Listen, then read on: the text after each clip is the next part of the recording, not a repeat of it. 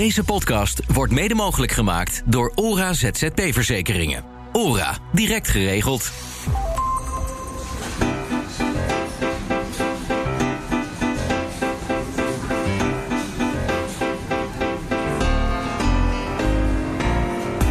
Welkom bij ZZP Café, de podcast voor eigen bazen. In deze tweede aflevering gaat het over geld, geld en geld.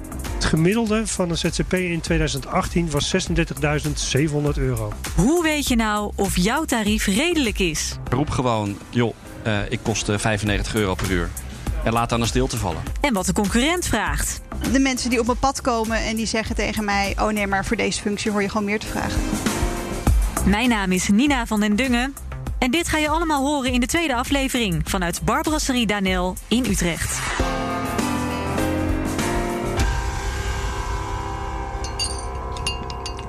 We zitten weer lekker aan de koffie met z'n vieren aan een tafeltje. Wie er natuurlijk weer bij is, is Hugo-Jan Ruts, ZZP-expert, hoofdredacteur van Zipconomy. En ook mijn sidekick gedurende deze podcastserie. Fijn dat je er weer bent, Hugo. Ja, hartstikke leuk. We gaan het over tarieven hebben vandaag. Nou, dat is wel een van mijn favoriete onderwerpen, omdat het nou, ook wel het verschil maakt tussen een werknemer en een, en een ondernemer, volgens mij. Is het ook niet van iedereen eigenlijk een favoriet onderwerp, maar wordt er niet gewoon veel te weinig over gesproken? Nou, ik zie wel dat, dat er vrij traditioneel over nagedacht wordt. Ik denk dat we daar straks nog wel over over te spreken komen. Ja, want wie zich in elk geval vandaag wel in de tariefkaarten laten kijken... zijn onze twee gasten die we hebben uitgenodigd. Logisch, anders hadden jullie hier niet gezeten. Mirjam Knol, uh, ZZP'er in de zorgsector. Mirjam, vertel even wat je zoal voor klussen doet. Uh, ja, nou goed, ik ben van huis uit verpleegkundige. En uh, ik, in eerste instantie heb ik mijn ZZP'erschap ben ik begonnen echt met verpleegkundige functies. Dus uh, werkzaam als uh, infuustherapie, expertisecentrum euthanasie. Ben ik overigens ook nog steeds werkzaam. Um, en ondertussen de afgelopen jaar heb ik mij meer, ben, ben ik me meer gericht op leidinggeven en managementkant. En um, zit ik nu in die hoek. Maar je zit dus op beide fronten eigenlijk. Op de vloer en een beetje ja. in, de, in de leidinggevende kant. Ja, exact. En ook heel bewust. Ja? Zodat ik nog, ja, zodat ik wel het gevoel krijg, zoals je dat noemt binnen de zorg, hè, uh, op de vloer aan het bed. Dat idee. Um, je weet nog wat daar speelt. Je weet ook wat er onder de patiënten speelt. En tegelijkertijd, en dus ook onder het zorgpersoneel. En tegelijkertijd kan je daardoor van wat hoger af kan meekijken naar beneden en daarin uh, ook beslissingen nemen. Ja, en leidinggevend ja. verdient beter, denk ik, dan op de vloer. Uh, ja. ja, zeker. Ja, dat is wel een flink verschil. Speelt dat mee ook ja. voor jou om daar ook voor te kiezen? Uh, deels, ja, deels. Kijk, het is zeker natuurlijk prettiger. Ik bedoel, uh, als je het vergelijkt met op de vloer, dan praat je ook zeker binnen de zorg praat je over de ORT. Nou, wat, uh, help me even, wat is ORT? Oh, onregelmatigheidstoeslag. Ja. Ja, hè, die dus daar heel bepalend in is. Dus ook als je onderhandelt over uurprijs, is de ORT um, uh, van belang daarin. Mm. Um, en dan moet je dus ook bedenken dat de basisprijs, de, die is echt laag. Dus je inkomen, als je op de vloer staat als ZZP'er, is vooral je ORT. En elke, elke branche heeft dan ook weer in dat opzicht zijn eigen CAO daarin. En die kan je dan volgen als uh, ZZP'er. Ja. Of niet, daar kan je zelf afspraken maken. En leidinggevende, ja, daar, daar, daar haal je de ORT uit. Ja. Dus dan zit je meteen gewoon op een vaste uurprijs. Ja. Ja. Wie we ook hebben uitgenodigd is Ronald van Driel, interim recruiter al ruim 20 jaar. Ronald, jij was volgens mij de eerste van Nederland die zelfstandig recruitment ging doen, hè? Ja, ja, waarbij er één iemand is die uh, dat wedstrijdje met me uh, uh, speelt. maar we zijn ongeveer gelijktijdig begonnen. Ja. En, en, wat voor klussen doe jij zoal? Voor wat voor soort bedrijven? Nou, ik doe twee dingen. ik ben inderdaad eind van het vorige millennium begonnen onder de naam Recruitment Solutions. om mezelf als recruitment specialist uit te zetten. Dat betekent soms operationeel recruitment. Vaak wel als eerste recruiter en dan recruitment opbouwen binnen een organisatie. Soms ook als recruitment manager invliegen. Uh, nou, dat heb ik de afgelopen 20 jaar bij zo'n 50 organisaties uh, gedaan. Vaak recruitment van 0 naar, uh, nou, naar, naar 90 brengen. En dan het laatste stukje overdragen aan een opvolger. Ja. Het tweede wat ik doe is meer als ondernemer, maar meteen ook wel weer als springplank naar, naar freelance opdrachten. Mhm. -hmm. Doe ik onder de naam Recruitment Accelerator samen met twee vakgenoten. En uh, daarbij helpen we zowel MKB-bedrijven als grote corporates en bureaus om uh, de werving uh, sneller, beter, effectiever te maken. Ja, dus zowel strategisch, zeg maar, meer op lange termijn, als echt het, het, het handwerk van recruiten. Ja, ja, beide. Ik hou ook van die combinatie. Ja, dus jullie hebben allebei eigenlijk zo'n combinatie gekozen. Dan in de zorg en jij misschien wat meer in het MKB, Ronald? Grotere MKB? Ja, MKB en, en, en corporates. Ja. En corporates.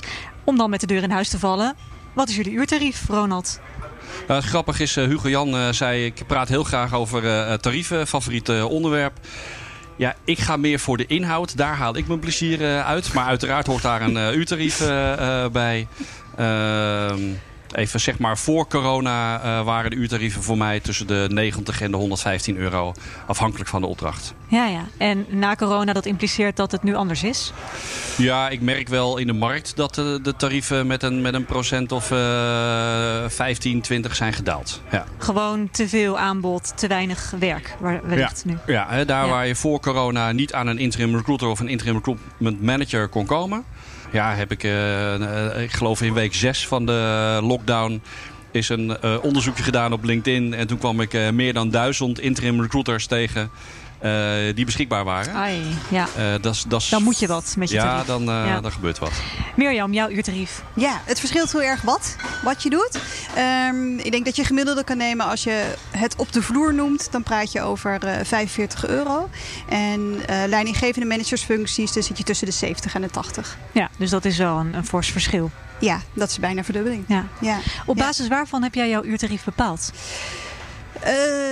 Um, toch wel een beetje de marktconform. Het is ook iets waar ik ingerold ben. Dus dan, dat is ook wel een beetje mijn karakter. Dan ga ik een beetje go with the flow. Dus ik tast gewoon af ook van waar men mee komt. Hè. En uh, um, ik ben in eerste instantie ben ik ook weer lager begonnen. En toen kreeg ik weer een andere opdracht aangeboden. En ja, goed, daarin ontwikkel je jezelf ook. En dan, ga je, dan zet je gewoon hoger in. Ik voor mij is het ook nog wel afhankelijk van hoe groot de organisatie is. Is het een privé-instelling? Wat voor zorginstelling is het?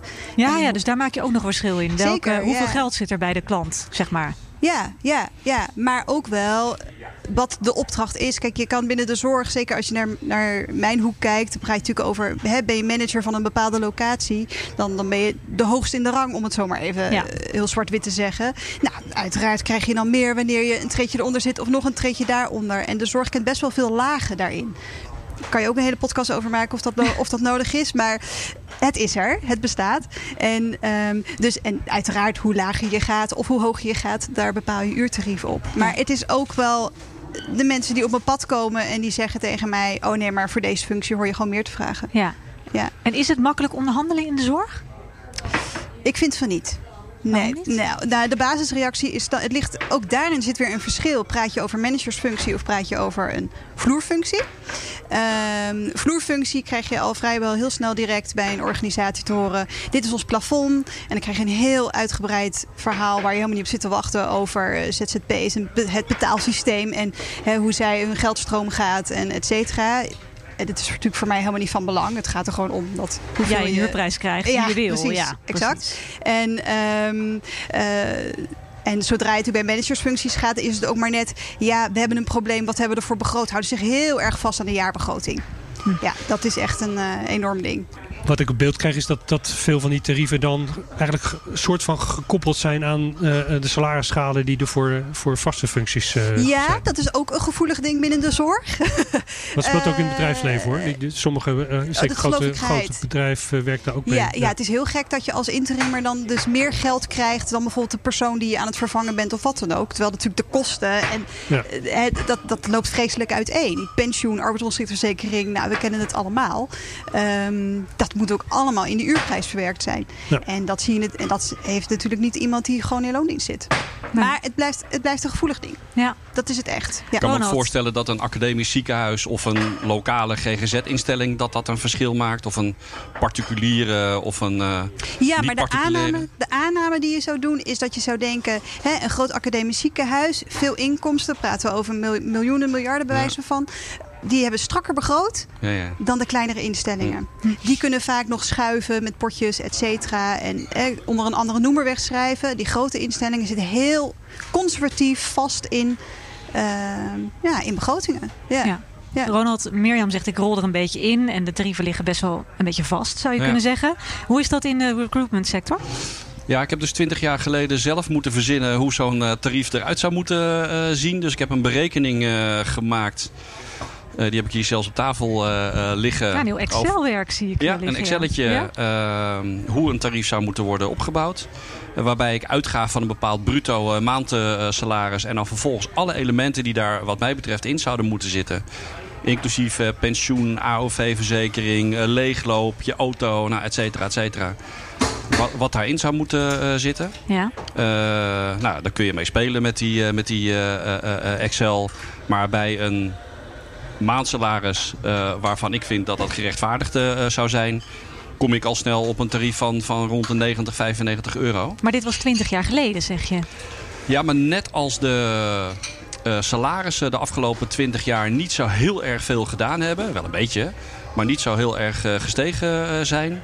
eh, geldt dat in ieder geval eh, in mijn ogen ook voor de tarieven. Voor de, de freelance eh, tarieven. Is dat zo, Hugo? Want ik zie jou knikken. Dat het, is het weinig gestegen inderdaad? Het is, het is weinig gestegen. En ik denk zelfs dat het, dat het minder is gestegen eh, in het gemiddelde dan, eh, dan de salarissen. Ehm, komt ook wel omdat het profiel van de, de tegenwoordige ZZP'ers wel denk ik iets anders is dan, dan 20 jaar geleden. Want 20 jaar geleden je meer zag dat het de echte specialisten waren. En, en, en, en tegenwoordig de, de, de breedte zeg maar, van de ZZP-functie wel veel breder is. Ja, ja. En wat... Ja, eh, dus min- minder, ook minder ervaren en mensen die het als zelfstandigen do- doen. En dat zag je Ja. 20 jaar geleden echt veel minder. Maar daar ligt dus nu ook exact ons probleem. Vind ik. ja. Ja, nou ja, goed, is dat de uurprijs als je naar de zorg kijkt. Eh, omdat er dus nu veel meer zijn. En er wordt weinig onderscheid gemaakt in waar ligt je ervaring, wat is je achtergrond, wat heb je gedaan, hè, wat, wat is je rugzak, wat is je bagage. Ehm, zeker als je naar. Kijk, ik, ik oriënteer mij met name op leidinggevende functies. Maar als je een ZZP'er blijft binnen de zorg en je vindt het gewoon leuk om alleen gewoon goed, goed uitvoerend werk te doen, ehm, dan heb je, heb je een enorme competitie met alle andere beginners. Ja. Maar als jij tien jaar lang oncologie-ervaring hebt en je hebt één jaar oncologie of geen, Ja. ik vind dat daar verschil in mag zitten Ja. in prijs. En die is er niet. Dat is Nee, niet nee, te nou, ik, denk, ik denk dat dat in het bedrijfsleven wel anders is. En dan, Ja. dan ga je het een beetje hebben van waarom worden ZZP's ingehuurd. Is dat nou een capaciteitsvraag? Dus nou ja, eh, eh, ehm, net als alle anderen, maar we hebben een beetje flexibiliteit nodig. Of, of, of we kunnen ze anders niet vinden. Of we huren iemand echt in voor een bepaald specialisme. Ja, en, dan, eh, en dat is misschien ook wel een bruggetje naar jou, Ronald. Als je het hebt over jou, want ik heb je Excel-sheet gezien. Nou, dat ziet er Ja. heel overzichtelijk en helder uit. Heel nuttige exercitie voor zelfstandig om te doen. Maar dan ga je wel uit van wat, je, wat vind je dat je normaal zou verdienen. Dus wat anders dan welke waarde voeg ik nou toe aan een organisatie? Ja, en wat is de opdrachtgever bereid om te betalen? Ja, en eh, de, de- eh, ergens moet je elkaar ontmoeten. Ja. Ja, ja. Nee, dus eh, ik, ik merk wel dat eh, als je ergens aan tafel zit voor een, eh, voor een intake, dan heb je het uiteraard ook over eh, tarief. Als je gewoon het tarief op tafel eh, legt, dan wordt daar heel snel gewoon ja tegen gezegd. Ik merk ook dat als er heel veel weerstand is, eh, en men eh, bij wijze van spreken vindt dat je twee keer te veel vraagt, op het moment dat je daar over in onderhandeling gaat en uiteindelijk een behoorlijke slok water bij de wijn doet. En je gaat daadwerkelijk beginnen, dan is er vaak in de loop van je opdracht heel veel gedonder over allerlei investeringen. Weet je, als ik ergens instap, dan is er vaak niks. Geen recruitment systeem, geen arbeidsmarktcommunicatie. Nou, allerlei zaken die eh, geld en soms behoorlijk veel geld eh, kosten. Op het moment dat het begin bij die intake al eh, nou ja, gedonder is of heel Over veel prijs. discussie is Mhm. over de prijs. Dan doe jij Dan krijg je later krijg je ook gezeur over de investeringen die eigenlijk gewoon keihard nodig zijn om sprongen eh, te maken. Maar wat betekent dat? Dat je de klus dan ook bijvoorbeeld niet aanneemt? Ja. Ja? En Ja. hoe vaak gebeurt dat? In eh, de, de, de, een kwart eh, van de gevallen. Iets In een minder kwart misschien. van de gevallen qua onderhandelingen kom je er dus eigenlijk gewoon niet uit. Ja. Misschien wel omdat jij wat wil zakken in je uurtarief. Maar omdat je gewoon merkt dat er vanuit de opdrachtgeverskant ja, wellicht gedonder kan Ja, en die drempel zit vaak eh, eh, nog daarvoor. Hè? Eh, op het moment dat er ergens staat eh, 60 euro. Mhm. Dan gun ik degene die dat doet heel veel plezier en succes. Maar dan zie ik al dat die investeringen die ik nodig zou vinden, dat die niet gaan komen. Ja. Dus dan reageer ik daar niet op. Nee, nee. Hugo, wat verdient de ZZP'er nu gemiddeld in Nederland? Ja, interessante vraag. En eh, daar, daar is ook best wel veel verwarring over. Omdat er natuurlijk ook allerlei definities eh, eh, zijn. En er zijn ook allerlei beelden over dat ze heel veel verdienen of juist heel veel. Heel weinig, weinig, worden. Je hebt ze allebei, hè? Neem ik Maar het is alle twee. Ja. Het is, ja, zo is vaak allemaal waar. Ehm, maar wat verdienen ze nou? De gemiddelde inkomen, dus het gemiddelde van een ZZP in 2018 was 36.700 euro. Bruto. En dat is bruto. Ja. Toen ook even op uitgezocht wat nou een werknemer verdient. Nou, dat ligt eh, iets hoger. Dat is 200 euro, Ja, ja. ook bruto. Mhm. Dan betaalt de ZZP iets minder belasting. Dus netto komen ze behoorlijk dicht bij elkaar. En hoeveel Ja. uur werkt die ZZP'er daar dan voor? Voor Ja. die 36.000 euro? Eh, dat staat er niet bij. Nee. Ja, dat is natuurlijk wel een interessante, hè? Ja. Natuurlijk. Ja, ja. Ja. Je wilt het in verhouding zien. Nou ja, en sommige mensen combineren dat ook. Gewoon een vaste baan voor drie dagen per week en dan twee dagen per week eh, ZZP'en. Nou, dan valt 36.000 euro misschien nog wel mee. Ja, Ja. ja. is waar. Oké, eh, dat is dus bruto jaarsalaris. Eh, Uurtarieven, weten we daar ook iets over? Daar weten we ook wel iets over. We hebben de zelfstandige arbeidsenquête van het CBS eh, TNO. En die komen op een gemiddelde, dat is wat mensen zelf zeggen, wat ze dus in rekening brengen, op een gemiddelde van eh, eh, 60 euro en 30 cent. 60 euro en 30 cent. Ja, en dat, Doe ik toch dat iets klinkt verkeerd, best veel. eh, dat klinkt best veel. Ja, ik doe echt iets Ehm, verkeerd. Maar dat is, daar, daar zit dus ook niet aan gekoppeld hoeveel uren werk je nou in, eh, eh, eh, daadwerkelijk. Ja. Ook wel goed om te weten dat eh 13% van alle ZZP'ers zegt onder 25 euro per uur. 13% onder de 25 En dat is best veel. Dus ik denk dat je voor Ja. 25 euro per uur kunnen we best concluderen geen gezonde onderneming kan. Nou, je kan eigenlijk kan geen runnen. pensioen opbouwen, Nee, niet nee, op vakantie, geen Nee, OV sterker, hebben. eh, Wouter Koolmees heeft het toch over een minimum eh, ZZP-tarief van 16 euro, zeg ik even Ja, uit mijn ja. hoofd. ja. Nou, had hij Nou, het dat- over, dat is- het gaat is al lang weer van de Nee, baan, dat begrijp ik. Maar Ja. Weet je, dat dat alleen al besproken wordt, dan, eh, dan denk ik van ja, dan Nee. klopt er iets niet. Nee. Ja. Nee. En dan is er natuurlijk ook nog dat niet elke ZZP'er met een uurtarief werkt. Nee, dat, dat, zijn we vaak zo gene- geneigd te denken. Het uurtje factuurtje eh, eh, werk. Ehm, het is misschien nog wel interessant om het daar straks over te hebben. Maar eh, eh, iets onder de 60% van de zelfstandigen die zich verhuurt. Dus die voor het zakelijke dienstverlening eh, werkt.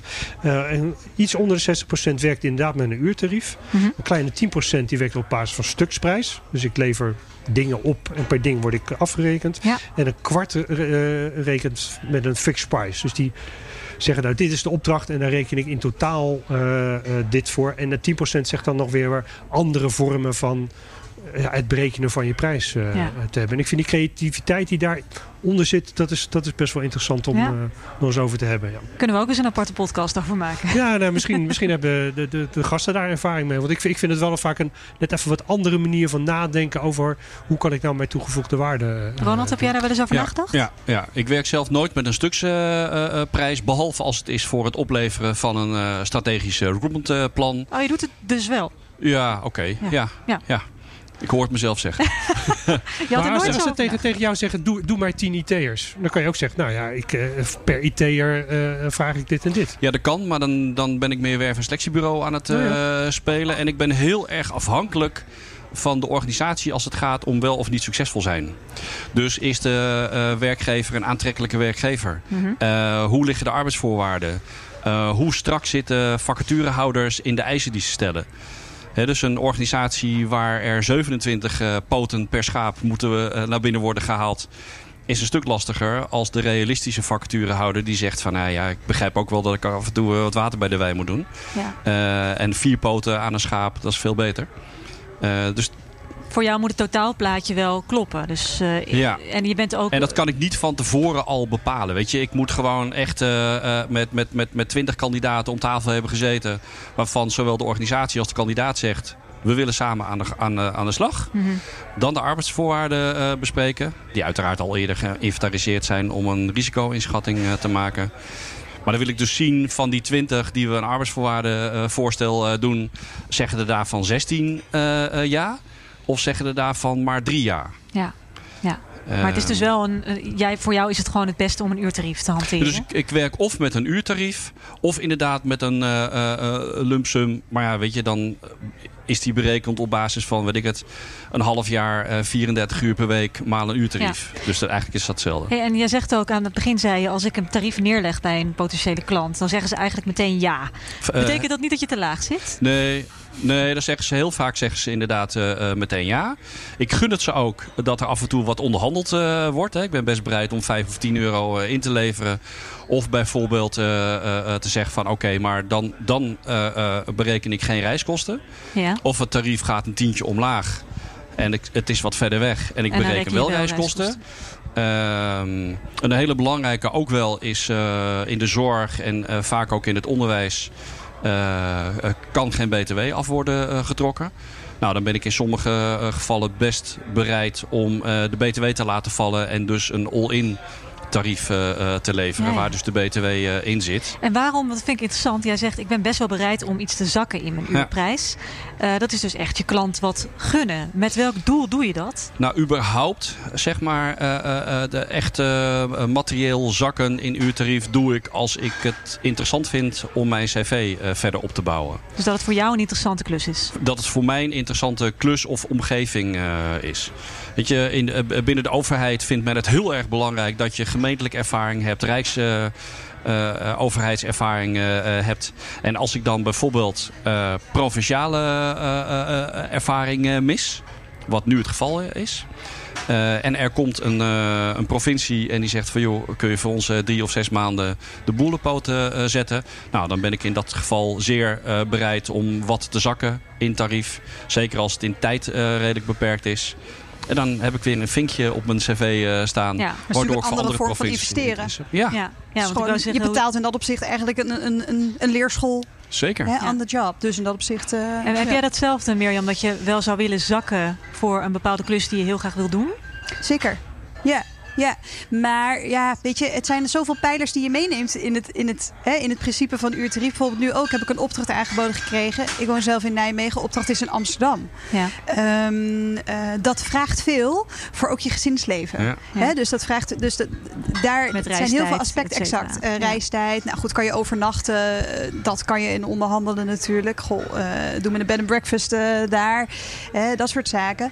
Um, maar zeker als dat carrière technisch cv breed als dat goed is, ja, dan ben je bereid een grotere prijs tussen haakjes te betalen. Um, en dat, dat zou kunnen inhouden dat je wat zakt in uurtarief. Ja. Ja. ja. Maar tegelijkertijd, je moet je brood verdienen. Um, je, je denkt ook, ik ben, een, ik ben iets waard. Hè? Ze, ze, willen mij omdat ik dit en dit kan bieden. Ja, en ik hou daar ook rekening mee ja. van hoe hard heb je me nodig. Ja, Ja, en ik leg in dat op zich ook wel gewoon de kaart op tafel. Maar dat is natuurlijk ook wel het spel of de onderhandeling. Ja, luister, jullie vragen mij van Nijmegen naar Amsterdam te komen. Je komt niet voor niks bij mij. Hè? Dus dat heeft een reden. Um, fijn, waardeer ik. Maar dat moet ik ook terug kunnen zien. ja. Ja, en als dat met een heel laag uurtarief is. Ja, ik ga niet twee uur heen, twee uur terug. Nee. Um, voor, heel, ja, voor, voor een bedrag waarin je, nou ja, goed, hè, redelijk kan rondkomen. Maar dan is het al een flinke investering. Ja. Nou, die Maar vier goed. uur per dag is ook wat waard. Exact, maar goed, ga maar, ga maar ergens een opleiding doen, hè? Ga maar ergens wanneer beginnen jullie überhaupt over het tarief te praten? Vaak eerst gesprek al. Ja? Ja, het wordt ook gevraagd, bij mij in ieder geval. Mhm. Altijd aan het einde van het gesprek. Het is heel Ja, de- cliché. Er is vaak maar één gesprek. eh, Dat ook eigenlijk, Ja, ja. ja. Ja. Maar niet ervoor Ja. al. Bedoel, je, je komt Ja, in wel, contact. ja, ja. En, en bedoel, dit is ook zonde van, van dat uur. Er is een reistijd. Als ze een heel ander beeld hebben over wat je moet kosten dan... Nou, eh, en laat die duidelijkheid er maar liggen, hè? mhm. Ja, Dus ik- is ik- gewoon transparant. Ja, dus ik Maar doe dat jij- inderdaad vaak in, in een telefonische eh, kennismaking. Eh, of de vraag wordt gesteld. Ja, En ik wil dat is- zeggen, leg je het zelf neer of, of wacht je tot de vraag komt? Nee, want dan zit je als een konijn in de koplamp te kijken. Dus ik leg hem Ja. vaak zelf wel neer. En dit Het is- kost ik. maar het is, ja. het is absoluut niet het eerste waar je over praat. Weet je, Wat is de, klus? de, Wat de houdt inhoud in? is gewoon ook het leukste en het belangrijkste. Exact, Ja. ja. Ja. Maar je, ik merk wel dat je soms met mensen in gesprek zitten die je vreselijk aan het overtuigen zijn hoe fantastisch deze job is die jij gaat voor Ja, hun ja, gaat ja. doen. Ehm, en daar kan je makkelijk een uur over praten en dan te horen dat ze zeggen en, dat, dat, hè, en daar betalen we 45 een uur voor. Ja, dan zijn we klaar.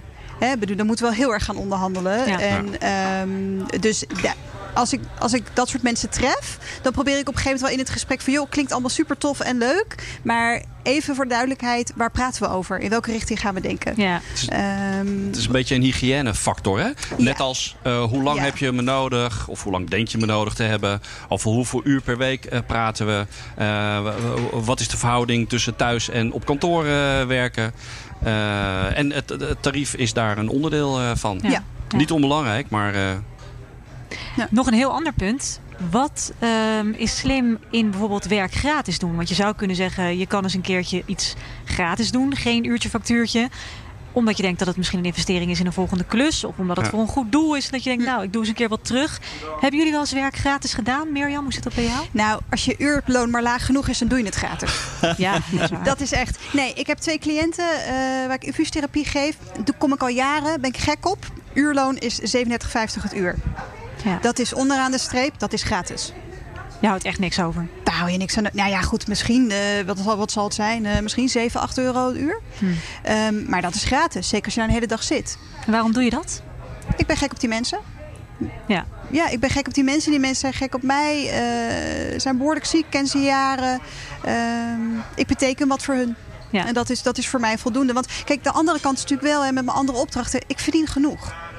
Mhm. Ik kan goed rondkomen, we hebben het goed. ehm, ehm, en daarin kan ik nog groeien. Ik ben aan het groeien, ik ben aan het groeien in mijn carrière, eh, dat soort zaken. Dus ehm, die, die twee patiënten zijn voor mij niet, het is niet mijn brood. Nee. En eh, dan kan ik me dat veroorloven. En dan doe ik dat ook graag. Ja. Ronald, een gratis klus? Ja, ik hoorde een, eh, een organisatieadviseur gisteren in een webinar iets eh, eh, heel gaafs eh, zeggen. Die zegt, joh, ik ben net een soort kunstenaar. En ik heb werk eh, in opdracht. En ik heb werk, eh, ik heb vrij werk. En dat doe ik onder andere om mezelf eh, eh, te ontwikkelen of om mijn omgeving eh, eh, te helpen. Dus als ik gewoon echt een reguliere opdracht eh, doe, is dat altijd eh, betaald. Eh, maar tegelijkertijd, eh, ik geef eh, veel training. Ik sta regelmatig op een podium. Eh, ik, eh, ik praat met heel veel collega's. Dus heel veel kopjes koffie eh, worden er gedronken. Ik praat ook heel veel met mensen waar, die eventjes op slot zitten qua, qua carrière. Het even niet meer weten. Ik word regelmatig uitgenodigd door recruiters die ergens zitten. Eh, eh, al, al in vaste dienst of niet. En dan ga ik even een uurtje, anderhalf uur eh, mee praten. En die leggen dan een aantal issues waar ze mee kampen op tafel. Ja, daar geef ik gewoon gratis advies. En daar hoef ik niet eens over na te denken. Want dat, dat vind ik namelijk ook gewoon leuk. En at the end helpt me dat ook weer om aan opdrachten te komen. Ja. Ik geloof ook wel in het wie goed doet, wie goed ontmoet. Ja. Daar Ja. geloof ik wel in. Ja. Kijk, als ik nu naar mezelf kijk en hoe ik me nu het afgelopen jaar alweer heb ontwikkeld, dat is puur niet op het papiertje dat ik heb. Hè, dat papiertje moet nog komen. Ik ben me nog aan het oriënteren op een managementopleiding. Maar gewoon de juiste mensen treffen en die zeggen: Wij zien dit in jou en wij denken dat je dit kan. En je krijgt de opdracht. En ehm, ehm, ik zou hopen dat mensen ook aan mij zo kunnen terugdenken. Als ik eh, ooit met pensioen ga. ja. Tot slot wil ik van jullie allebei nog heel graag je belangrijkste onderhandelingstip. Nou ja, het, eh, denk sowieso goed na over het tarief dat je gaat hanteren. Maak een berekening. ehm, eh, eh, spar met vakgenoten. Eh, en op het moment dat je een, tarief hebt bepaald, dat je met droge ogen kunt vertellen, op tafel leggen bij een potentiële opdrachtgever, doe dat dan ook gewoon. En ga daar niet een heel verhaal over houden. Ehm, eh, maar roep gewoon, joh, ik kost eh, 95 euro per uur. En laat dan een stilte vallen. En dan zie je wel hoe mensen reageren. Mirjam, jouw tip? Ja, blijf fair. Blijf fair naar jezelf en eh, ook naar de organisatie. Weet je, ga, ga niet belachelijke prijs vragen als je weet dat, het, eh, dat ze het ook echt niet kunnen betalen. Hè? En, ehm, en inderdaad, hou voor jezelf ook een bonumprijs. Ja, en, daar moet, je- en dat is soms lastig, maar die moet je echt voor jezelf vasthouden. Ja. Dan zeg je dus gewoon nee. Eens. We zijn aan het einde van deze aflevering van ZZP Café over tarieven. Veel dank aan Ronald van Driel en Mirjam Knol. En natuurlijk ook aan co-host Hugo-Jan Ruts. De volgende aflevering praten we over een ander boeiend thema. Namelijk, wat als je plotseling werk verliest? Bijvoorbeeld door een economische recessie. En in mijn sector spreek ik ook wel ZZP'ers die zeggen... ja, als ik heel eerlijk ben, dan overleef ik door het inkomen van mijn partner. Ik heb denk ik in de afgelopen weken en maanden met zo'n jong gezin nog niet harder gewerkt dan in deze 15 jaar. Daar moet je geschikt voor zijn. Zeker luisteren dus naar aflevering 3. En natuurlijk nog even een shout-out naar onze sponsor, Ora. Zonder wie deze podcast niet gemaakt had kunnen worden. Ora heeft ook allerlei diensten voor ZZP'ers. Als je daarnaar benieuwd bent, kijk even op ora.nl slash zzp. Hopelijk tot de volgende!